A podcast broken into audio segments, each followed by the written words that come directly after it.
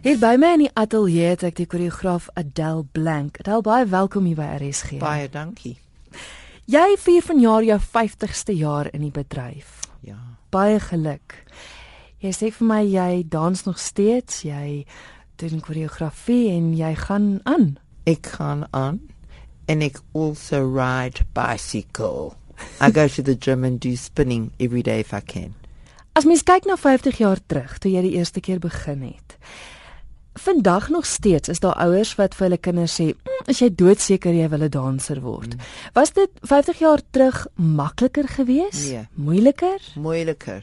Moeiliker. In those days, people really weren't accepting, especially of male dancers. No, you've got to have a profession, you've got to support a family. How are you going to make a living? And even the girls, my own daughter who's a dancer, who was adamant, and we really didn't encourage it. But there she is, following in the footsteps. Nou wat het gemaak dat jy besluit het maar dit is wat ek gaan doen, maak nie saak wie wat vir my sê nie. You know, I did ballet as a little girl. I went and I really didn't do anything much until I was about 14. Then I got really fired up and um, I started working in this, what was the Johannesburg City Ballet. And that became packed. And I, I don't know if, if, if people say to me, "Yeah, you must have planned it," and this, no, no, no, it was organic. I don't know how it happened. I look back and I think, how come this is happening? I never set out to be a choreographer or yes, I might have been a teacher or but to have a company and a, now I don't know how that happened. So as I say, it just happened, and obviously it was preordained because I often say to myself, why am I here? There must be a reason. The reason, uh, the reason I'm still trying to find. I've had a great joy ride with it though. So no, I didn't plan it. Dink jy mense se persepsie oor dans het verander oor die jare, spesifiek yes, in Suid-Afrika? No question. It's much more accepted accepted into society, and I think one of the reasons is so you think you can dance. I mean, I know people that would never have thought about dance who love it, who can't wait for when they're watching specifically the American program. I hate to say that, but that's it. And people are much more aware of dance. Um, in years gone by, we used to watch Michael Jackson, as I said, and the guys really related to that because that was a, a huge reference for them. Um, but I certainly think that it's much more accepted today. And people go to the theatre and men, men, the fathers of, go and watch dance and actually have something relevant to say about it. Mm. So, but in terms, I think people are still very conscious that it's the orphan of the arts and that it's very difficult to make ends meet being a dancer. Mm -hmm. Ek het 'n vraag oor metodes. Jy jy het oor die 50 jaar het jy verskillende metodes van dans aangeleer. Hmm. Ehm mm. um, Chiquetti dink ek is is een van hulle. Wat maak dat jy as danser besluit jy jy gaan 'n spesifieke metode aanleer? Well, if you talking about the classical ballet, I think when you're a little girl, you go to the nearest studio that's in the area, uh, be it Cecchetti or RAD, whichever. Um, but in the long run, when you're in the ballet company or if you're making it your profession, you will come into contact with all those, the Cecchetti, the Ganova, the whatever it is. And when ballets are set, the choreographer or the existing rep pieces don't have a specific. It's dance. It's classical dance, and that's what it is. So it's just different ways of doing it. Yes, there are very um, prominent features of each style of, of, of be it or RAD. But in the end, you've got to be able to dance, and that's the bottom line.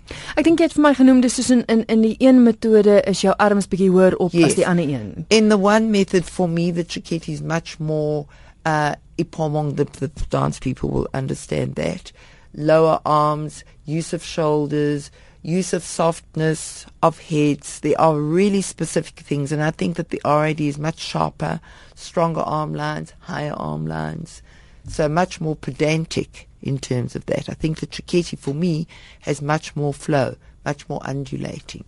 Nou hoe die metodes ontwikkel, is dit bloot eenvoudig Chiquetti neem ek aan as 'n persoon, is dit bloot eenvoudig die manier hoe die persoon gedans het en Yes, he was well, I think he must have been quite scientific and knew the body very well. Mm. And so he made this method that worked for him and he notated it so it became uh, uh, it's, there's a book called the Cecchetti Manual that all the Cecchetti people own and make re- take it as a reference. They look at those things, and he really must have been a, a genius because his stuff is just brilliant.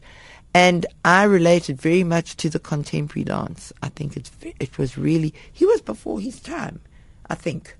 Maar tog daai metodes van deurslag en dit wat jy nou doen, ek dink jy het vir my genoem dat dat iemand het eendag na jou gekyk yes. wat jy gekoreografeer het en gesê het maar hulle sien die chiketti yes. in in My dear doen. friend Martin Schonberg was watching me teach the other day and um after the class he said to me Adele you Cecchetti whether you like it or not because a lot of the things that we spoke that we said Cecchetti did being very contemporary for me just happened you know very curvy things and and they and, and it's just very obvious and maybe that's why I related so well to the contemporary but maybe that's just my way of doing contemporary because it was ingrained in me that mm.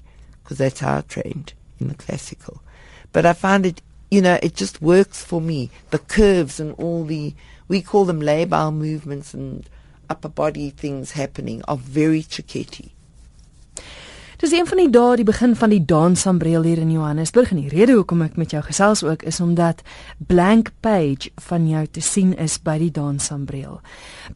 Blank page, ek smal oor die titel, aangesien Adele Blank, ek dink is okay. baie skat. Well, I have a daughter who's a dancer, mm-hmm. a very good dancer, and she was the founder member dancer of Free Flight. And um, she's got this thing about she wants to give me a tribute before I die, not afterwards, which is great. And um, we were sitting and brainstorming, and I came up, well, why don't we just call it Blank Page? Because I imagine that it's all this history and all this stuff that's gone that that the audience will see like pages of a book. So, and also what we're doing is we're trying to make the then and the now. So we've got video footage perhaps of what was going on in pieces of choreography, not with the sound, but just the visuals and on stage, dancers perhaps doing something similar, but more now. Mm. And it's amazing that the dancers now are amazing. I mean, really, look, we were good in those days of dance. I'm not, I'm not knocking them, but my goodness, I don't know where dance is going to end because these kids are unbelievable what they can do. But I think it's the same with sport. Where's it going to end? Mm. It's just, there's just no end. Look at Mr. Bolt, what he's just done. So the dancing, I think, is, is very much there as well. Or and the heads, the young heads are just amazing.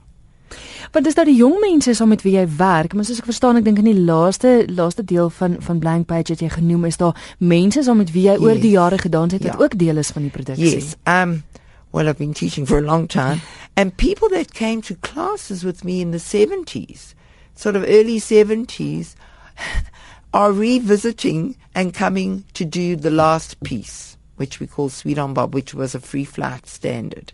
And they are having the time of their lives. Saw bodies, saw this, saw that. Somebody asked for an oxygen mask. but it's a lot of fun. So, you know, that's what it's going to be. There'll be some of those old ex dancers and ex free flight people, original free flight people on stage. As ek reg is, wys dit die 3de, 4de en 5de September en dis om 8:30 die aand en is by die Markteater. Yes, that's it. Gou eens praat oor die rak leeftyd. Jy wat nou sê van van die ouer dansers wat saam met jou is. Jy's vir my 'n sprekende bewys daarvan dat daar nie 'n rak leeftyd vir 'n danser is nie, want daar is hierdie persepsie daar buite dat jy kan net tot op 'n sekere ouderdom dans. Yes. Is dit so? Well, I think in terms of classical and and being the ballerina um, certainly there are things that you just, you know obviously just can't. It's you'd have to water it down greatly. But with contemporary dance, I don't think there's anyone that can say it's right or it's wrong. It's a feeling, and um, you can get up onto the stage and just stand there. And it's not wrong, and it can be very numb, very powerful. So you don't have to do four pirouettes, and you don't have to be on your toes and you can be very dramatic and you can make it work. Yes, you can curve your body, but that stage there probably curves there that shouldn't be there anyway. so I think in contemporary dance, certainly the longevity is more. Um, and I don't think anyone has to stop because they're a certain age. You know, you, as long as you don't get, oh, and there's nothing wrong with making people laugh, I suppose, that's good. I'm sure I've done that. so I think if you can keep your body going, why not? And I know that the time will come when my daughter Natalie will say to me, Martin, enough, stop. But that hasn't arrived yet. I mean, I'm not getting up and performing a big, huge solo, mm. but certainly I teach and I can still kick my leg a bit and do those things. But I think that one's vocal cords become much stronger as you get older. Ek weet mens mag nie praat oor 'n vrou se ouderdom nie, maar ek wil net sê jy is 71 jaar oud en ja. jy lyk regtig nie soos 'n 71 jarige nie. Is daar enige iets wat jy nog graag sou wou doen? Well, you know, they say you should never regret what you've done, but you can regret what you haven't done. There are lots of things I would have liked to do and haven't. Look, I had four children. I would have liked to have been in a company overseas for a year or, or something like that. I didn't do them, and those are the only regrets. But in terms of what I've done, mm, I've had a great time.